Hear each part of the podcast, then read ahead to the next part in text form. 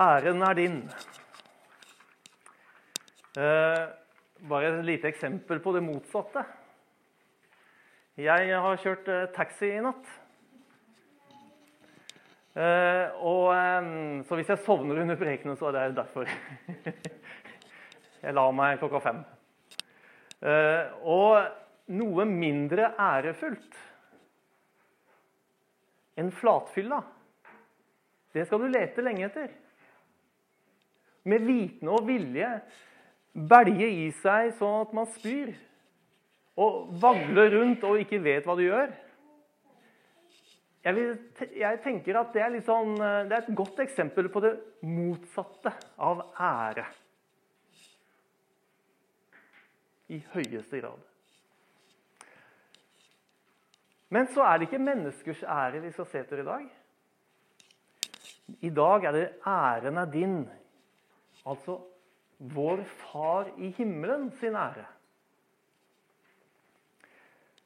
Og litt eh, studie fra Bibelen. Vi ser at eh, ære, altså ulike bøyninger av det greske ordet 'doxa', som betyr ære på gresk, det blir brukt 168 ganger i Nytestamentet. Og det Bildet der det viser da hvor mange ganger på, i, i, hvert evangelium eller i hvert brev som det blir brukt. Eh, og da ser vi det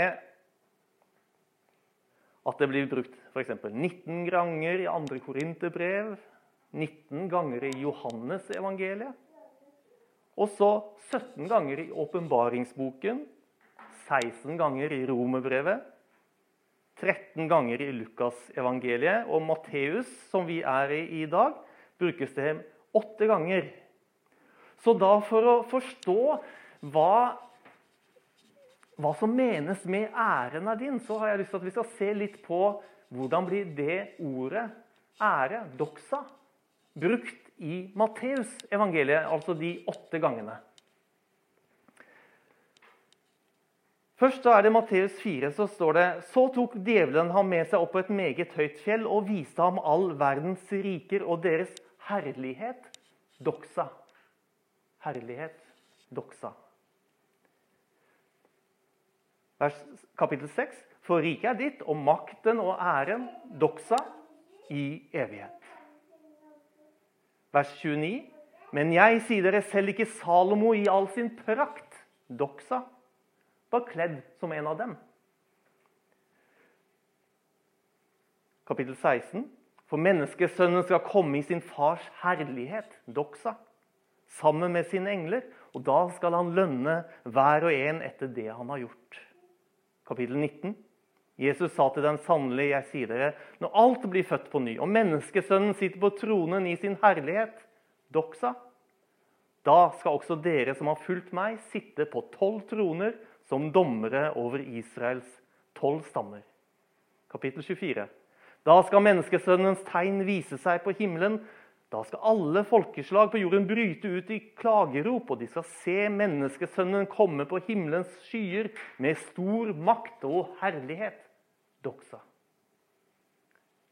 Og det siste i Matteus 25. Men når menneskesønnen kommer i sin herlighet, doksa, og alle englene med ham. Da skal han sitte på sin trone i herlighet, doksa. La oss be. Herre, vi takker deg for at æren er din. Og Det er det vi skal lovprise. Det er din ære, ikke min ære, ikke menneskers ære. Æren er din. Og jeg inviterer deg, Hellige Ånd, til å komme og herliggjøre Jesus slik at vi kan gi ære til Jesus, som viser oss nettopp hvem far er. For æren er din. Herre, Herre, kom du og levendegjør ditt ord i våre hjerter, sånn at vi ikke blir noen glemsomme hørere, men en gjerningens gjører. Kom, Hellige Ånd. I Jesu navn. Amen. Doxa det beskriver altså noe som er helt fantastisk. Noe som er helt vidunderlig. storslagent, praktfullt, herlig og verd å bli æret. Det er innholdet av doksa. Æren er din. Og alt dette, det tilhører altså vår Far i himmelen. Doksa er hans. Jeg syns det er litt interessant at ordet doksa blir mest brukt i andre korinterbrev. Og dette brevet er jo kjent for å være i gåsetegn et motbevis til herlighetsteologien.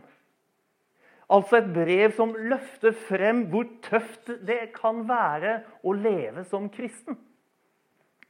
F.eks. 2. Korinter 4,16.: Derfor mister vi ikke motet. For selv om vårt ytre menneske går til grunne, blir vårt indre menneske fornyet dag for dag. De trengslene vi nå må bære, er lette, og de skaper for oss en evig rikdom av herlighet. Altså doksa. Som veier uendelig mye mer. Og nettopp vårt mørke gjør lyset klarere. Vår håpløshet styrker håpets betydning. Vår svakhet fremmer hans styrke. Andre kor inntil 12, 9. Men han svarte, 'Min nåde er nok for deg.' For kraften fullendes i svakhet. Derfor vil jeg helst være stolt av mine svakheter, for at Kristi kraft kan ta bolig i meg. Og derfor er jeg fylt av glede når jeg for Kristi skyld er svak. Blir mishandlet. Er i nød. I forfølgelser. Og i angst. For når jeg er svak, da er jeg sterk. Men hva betyr det for oss at æren er din? For det første så betyr det at æren er ikke min. Det sier jo seg selv. For det andre at vi skal gi ham ære. Det skal vi se litt på nå. Å ta æren for noe, det er å påstå at jeg er årsaken for det gode som er gjort.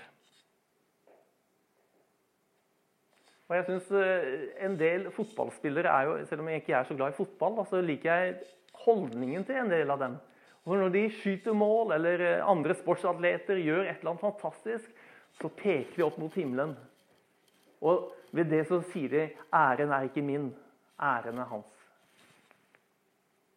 Og Paulus, apostelen, han kunne fint skryte over alt han hadde oppnådd. Men han skjønte at det han hadde oppnådd, var ikke selvforskyldt.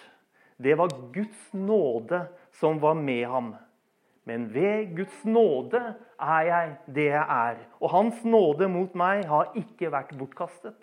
For jeg har arbeidet mer enn noen av dem. Dvs. Si, ikke jeg, men Guds nåde som er med meg. Og For å være helt ærlig, som pastor så kan jeg bli veldig opptatt av hva jeg har oppnådd i tjenesten og ikke. Eller hva andre får til av kirkevekst, osv. Og, og det blir fort et fokus på hva en får til i seg selv. Hva jeg kan, eller absolutt ikke får til. Og jeg har lært meg en ting disse årene. Og det er en positiv oppgitthet. Tygg på den, du. Å gi opp til Gud. I Romerne 9, 16 så står det noe som er veldig rart, men veldig vakkert. Så kommer det altså ikke an på den som vil eller anstrenger seg, men på Gud som viser godhet. Alt gir jeg opp til Gud. både av hva jeg kan, og det jeg ikke får til. Det jeg har oppnådd, og det jeg ikke har oppnådd. Jeg gir det opp. Så uansett hvor flink og hvor mange naturlige gaver jeg har, er det alltid Gud som er opphavet. Han er verd all ære, ikke jeg. Det andre er gi Gud ære, for æren er din. Og det handler om å være et lys for Gud. Og lysets oppgave er å lyse opp i sine omgivelser. Og det lyset, uansett hvor mørkt det er, har du lagt merke til det? Det kan ikke skjules. Dere er verdens lys, sier Jesus. En by som ligger på et fjell, kan ikke skjules. Heller ikke tenner man en oljelampe og setter det under et kar. Nei, man setter den på en holder, så den lyser for alle i huset. Og Johannes sier i 1. Johannes brev Gud er lys. Det finnes ikke mørke i ham. Sier vi at vi har fellesskap med ham, men vandrer i mørket, da lyver vi og følger ikke sannheten. Så fellesskap med Gud, det er å vandre i lys. Være lysvandrere. Og lyset, det er avslørende. Og derfor så er det i lyset vi får tilgivelse. Men dersom vi vandrer i lyset, slik han selv er i lyset, da har vi fellesskap med hverandre. Og blodet fra Jesus, hans sønn, renser oss for all synd. Og i lyset så er det bare det rene og gode som trives. Og det som ikke er rent og godt, ja, det kommer fram i lyset. Og jeg hører av og til at det er så enkelt. Det er jo bare å be om tilgivelse. Ja, er det så enkelt? Fordi det handler jo om å face sine feil. Å møte og være ærlig på sine mangler og på sine feiltrinn. Det er ikke enkelt å be om tilgivelse. Det er å komme fram i lyset med 'Sånn er jeg'. Og det er det ikke alle som tør. Men vi skal vandre i lyset, vi skal leve i lyset. Og i lyset så blir vi avslørt. Og tusen takk til Jesus, vi blir tilgitt.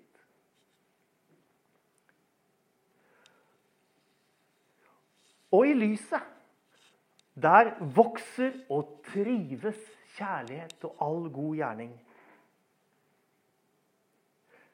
Den som sier han er i lyset, sier Johannes videre, men hater sin bror er ennå i mørket. Den som elsker sin bror, blir i lyset og fører ikke noen til fall.